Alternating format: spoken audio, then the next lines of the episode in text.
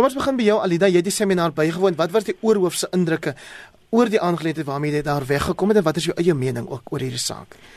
Dit het was duidelik geweest dat daar is baie ehm um, wel 'n hele paar nie-regeringsorganisasies en groepe wat baie gebruik die Promotion of Access to Information Act om ehm um, regeringsdepartemente te te dwing op 'n manier om vir hulle toegang te gee tot rekords en argiewe. Ehm um, kyk ons moet verstaan dat die die argiewe of die apartheidsargiewe is nie noodwendig net op een plek nie. Dit is uh weet in in talle plekke. Ehm um, en ek weet hy het byvoorbeeld verlede week gesê dat ons moenie uh, oortuig word of net dink aan die storie van die destruksie van sekere argiewe nie. Weet mense is lief daarvoor om te verwys na die die wyse waarop dokumente verbrand was by ijskor staalwerke um, en hoe daai inligting verlore was, maar daar's baie materiaal.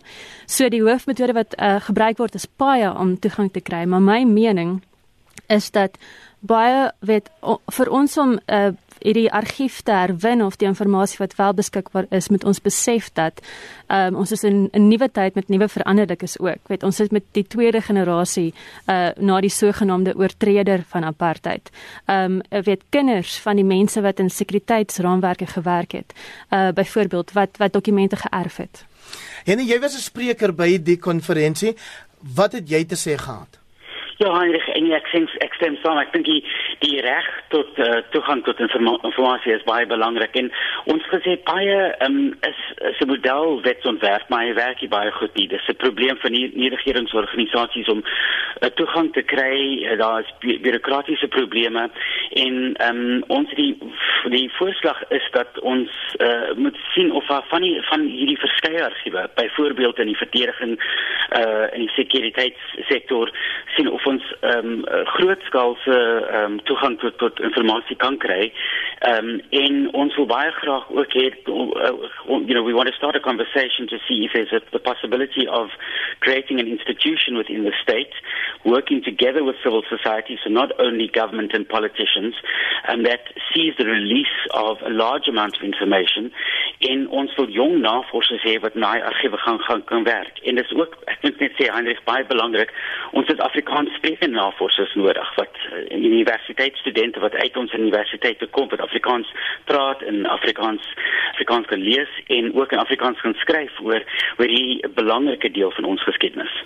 Hoe moeilik of hoe maklik was dit vir jou om die argiewe om toegang tot die argiewe te kry vir jou boek Apartheid Guns and Money? Ja, die, eh, die, 'n deel van deel van die toegang was eintlik ongelooflik ehm um, eh uh, was was ek, kon nie glo dat ons toegang ge, gekry het nie eintlik en in in in die een deel sien ons in die uh, byvoorbeeld in die verdedigingsargief is daar eh uh, daar is daar is honderde meters dokumente wat ons uh, toegang toe gekry het wat ons geglo eh uh, nie verbrand of of uh, wat nie verbrand is nie. Dit is ongelooflik aan die een kant. Maar aan die ander kant is daar byvoorbeeld in die in die reservebank is daar op die oomblik 'n 'n uh, hofsaak wat nie op aan die gang is waar hulle uh, na amper 4 of 5 jare nog steeds geen toegang tot geen organisasie wil gee tot hulle inligting nie. So ek dink dit is 'n goeie en 'n slegte storie op dieselfde tyd.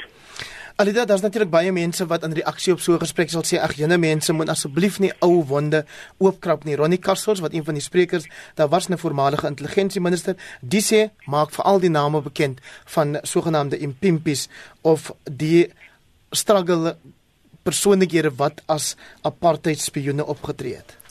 Wel uit dit uit uit verwys daar nadat hy oorspronklik baie graag wou sien wie dubbelagente vir die staat was. Ehm um, maar eh, wat duidelik uitgekom het tydens die bespreking tydens hierdie konferensie is dat daar is 'n kompleksiteit hieraan verbonde. Weet om net 'n lys van askaris of voormalige askaris bekend te maak. Ehm um, dit is net 'n lys name, dit gee nie die kompleksiteit van die storie wat het daartoe gelei dat hulle gedraai is nie. So daar's 'n groot druk om vir mense om te besef dat daar's kompleksiteit betrokke daaraan as 'n persoon gemartel word byvoorbeeld deur 'n staat om 'n agent te word. Ehm um, en die beskikbaar maak weet ons ons kan sê dit dit ja, dit is die oopkrap van wonde op 'n manier, maar as ons dit nie doen nie, gaan ons self nie die kompleksiteit van daai konteks verstaan en verstaan hoe hierdie autoritaire staat uh, gefunksioneer het nie en dit gaan ons ook dan weerhou daarvan om sekere aspekte van ons dag politiek vandag te verstaan. Henny, 'n bekende wat voorheen aan die ontvangkant was van hierdie beskuldigings is Bulelani Nguka. Wat is die gevaar daaraan dat 'n mens hierdie soort inligting of beskuldigings in elk geval sommer net uitgooi daar buite sonder om hierdie proses waarna Alida verwys het deur te maak?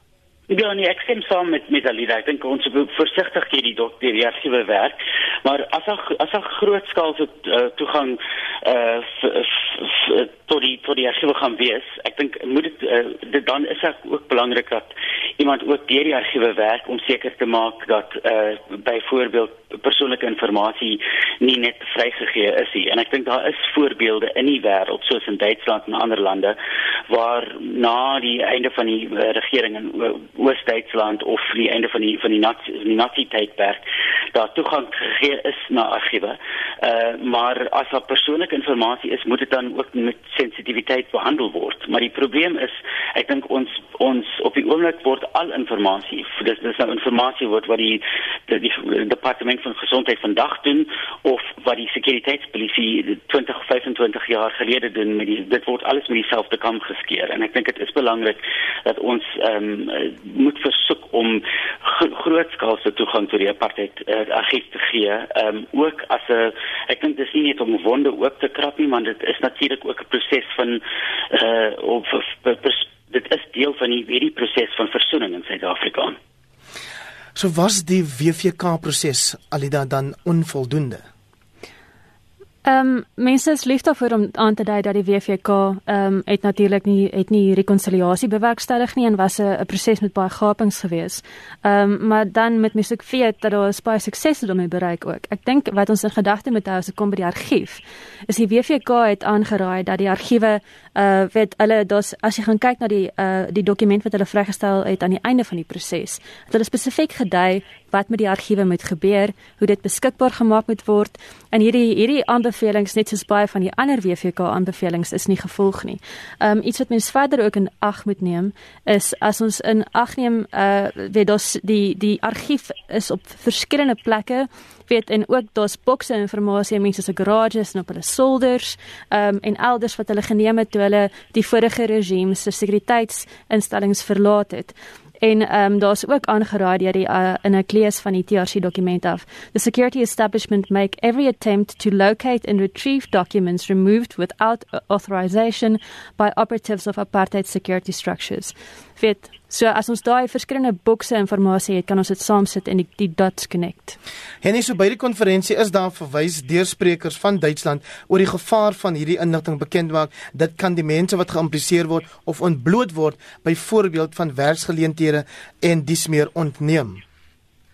Heinrich, ek dink dit is nou amper 25 jaar na die einde van apartheid. Daar is natuurlik die moontlikheid as iemand iemand vermoor het, soos ons sou uh, daar uh, uh, gesê word in Timol uh, in inquest op die oomblik, uh, kan 'n gevolg gewees en ek dink dit is, is ook dan ook baie belangrik dat dit dan gebeur. Maar ek dink ons sit nou met 'n situasie dat op die een kant het ons van die nuwe bureaukrate in ons regering wat uh, wat you know they just refuse to give access to information wat die een kant 'n probleem is. En dan het ons die ander kant ehm um, uh, byvoorbeeld oud ministers en daar word gesê oud minister Pikbota is een van daai wat garage vol dokumente het wat hy sit wat uh, eintlik alles staatsdokumente was. En ehm um, ons weet nie hoekom hulle nie aan 'n argief gegee word nie sodat uh, jong navorsers daardeur kan werk nie. Ehm um, en ek dink daar is dit is hoekom hierdie hierdie gesprek oor die oor die argief nou baie belangrik is. Ja, daai van daai van daai ou manne is nou op die einde die laaste tydperk van hulle lewe en die vraag is wat gaan met daai dokumente gebeur? Gaan hulle verbrand word, weggegooi word?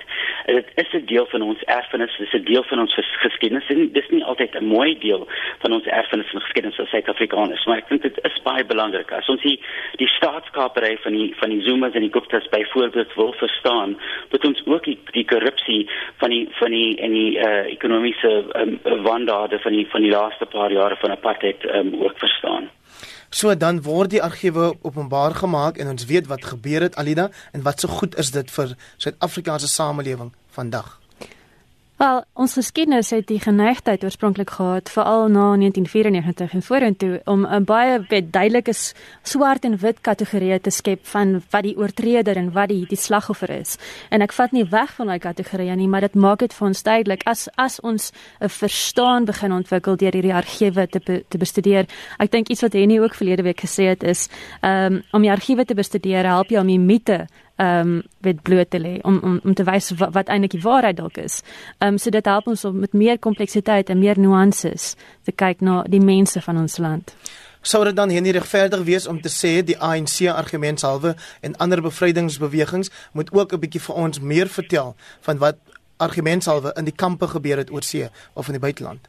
Ja, ek ek dink ek dink eintlik dit is 'n deel en 'n groot deel van die storie. Dis die die deel van die storie is uh, van apartheid. Ek dink is is uh uh dis nie die betrokkenheid van almal nie, maar dit is die, die dit is uh dit is die kompleksiteit waarvan 'n leier so nou dan gesels het en ek dink die die die die deel van die ANC se storie, die argiewe ons weer daar is argiewe natuurlik in by byvoorbeeld by die universiteit in Fort Hare van die ANC, maar dat van die ANC intelligensiemense ook daar was en van die dokumente weggevat het. Daai dokumente kan nie in Letuli huis in Johannesburg sit nie. Dit moet terug in die argiewe gesit word sodat navorsers daardeur kan werk en ook uh, uh ook kan verstaan wat presies daar aangegaan het.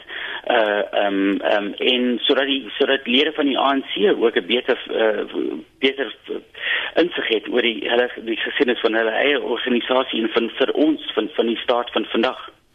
Alida ons het nog 1 minuut oor daar word dikwels gesê die rede waarom president Zuma hierdie onverklaarbare lojaliteit geniet van so baie mense binne die ANC is omdat hy dalk met inligting oor hulle rondloop. Jy het hierdie teorie van lewende argiewe. Verduidelik vir ons kortliks daaroor uh die lewende argiewe wel die argief kan nog steeds dis dis soos 'n brein 'n brein van die vorige autoritaire staat 'n lewende brein wat op verskillende plekke is. Ehm um, Jacob Zuma was die hoof van Imbokado gewees die uh uh geheime diens of intelligensiediens van MK. Ehm um, so uh, ja uh as as ons hierdie brein kan analiseer uh, kan ons moontlik antwoorde kry oor wat wat nou gebeur, wat wat in die verlede gebeur het en die redes waarom goed gebeur wat dit nou gebeur. Alida Kok is 'n dosent in politieke wetenskap aan Unisa en Henny van Vieren wat saamgepraat het, is die skrywer van die boek Apartheid Guns and Money: A Tale of Profit. Dit bring ons by 7:30. Jy luister na Monitor elke weekoggend tussen 6 en 8. In die nuus, die Wêreld Natuurlewe Fonds sê die regering en Eskom sloer met die implementering van 'n doeltreffende beleid oor groen energie vir al die groot metro's die stede is toenemend besig om druk te plaas op ons departement van energie om hulle toe te laat om baie meer proaktief te wees om hulle eie hernubare energie op te wek. Die komedie Veil was goed kraai koning by die jaarlikse silwer skermfees. En Anton Snyman kom maak 'n draai in die monitor ateljee met die jongste sportnuus. Vra jouself, wat het geword van al die versekeringspolisse wat jy met die jare gekoop het? Weet jy nog waar hulle is? Wat hulle vandag sou uitbetaal en of hulle nog van krag is? Daar is 'n aanlyn soekengine wat jou van 'n volledige verslag van al jou polisse voorsien, gratis. Daarby kom finansiële advies as jy dit wil hê, ook gratis. Hierdie soekengine se naam is Verify. Verify met 'n i. Gaan na www.verify.co.za En kyk hoe maklik is dit. Dis Travel Start se verjaarsdag. Ons is die afgelope 11 jaar jou sakpas aanlyn reisagent. Besoek travelstart.co.za hierdie week vir ons eksklusiewe verjaarsdag aanbiedinge, soos retourvlugte na Bali vir slegs 4999. Maak gou. Sitplekke is beperk en die uitverkoping eindig Vrydag. So besoek ons nou aanlyn travelstart.co.za. Travel made simple. Terme en voorwaardes geld. Het jy 'n besigheid in die Vrystaat of Noord-Kaap? Maak gebruik van SABC se 18 radiostasies om jou besigheid te laat floreer. Indien jy meer wil hoor van die voordele wat SABC Radio jou kan bied, skakel gerus vir my, Isabel, by 051 5033 214. Dit is 051 5033 214. Praat saam, Maandag tot Vrydag tussen 8 en 9. My boodskap is dat ons het die voorbeeld van die UDF nodig, nie net vir Suid-Afrika nie, maar vir die wêreld, want die wêreld is in groot moeilikheid. Ons moet weer leer om hande te vat met mekaar om die druk uit te oefen. Die Blackbush, die Landbush het nie meer geïntimideer nie. Ons weet dat proteste is toegelaat vir die konstitusie van die land. Praat saam met my Lenet Fransis, weekoggende 8 tot 9. Geen verkeer.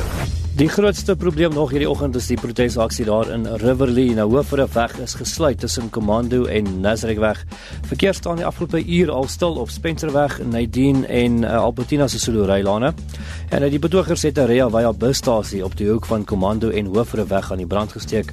En uh, die metropolisie verwag soortgelyke ontwrigtinge op die paaie na en van Soweto en Rodepoort en die paaie in die Robertville, Maresburg en Florida omgewing word reeds hierdeur geraak. In Kaapstad is daar ook protesaksie op die R43 by die R44 en die N2 skakel na Gordons Bay by Sir Laurie's Pass. Dan in Johannesburg is daar 'n botsing op die M1 Noord voor Greystown Rylaan wat verkeer vertraag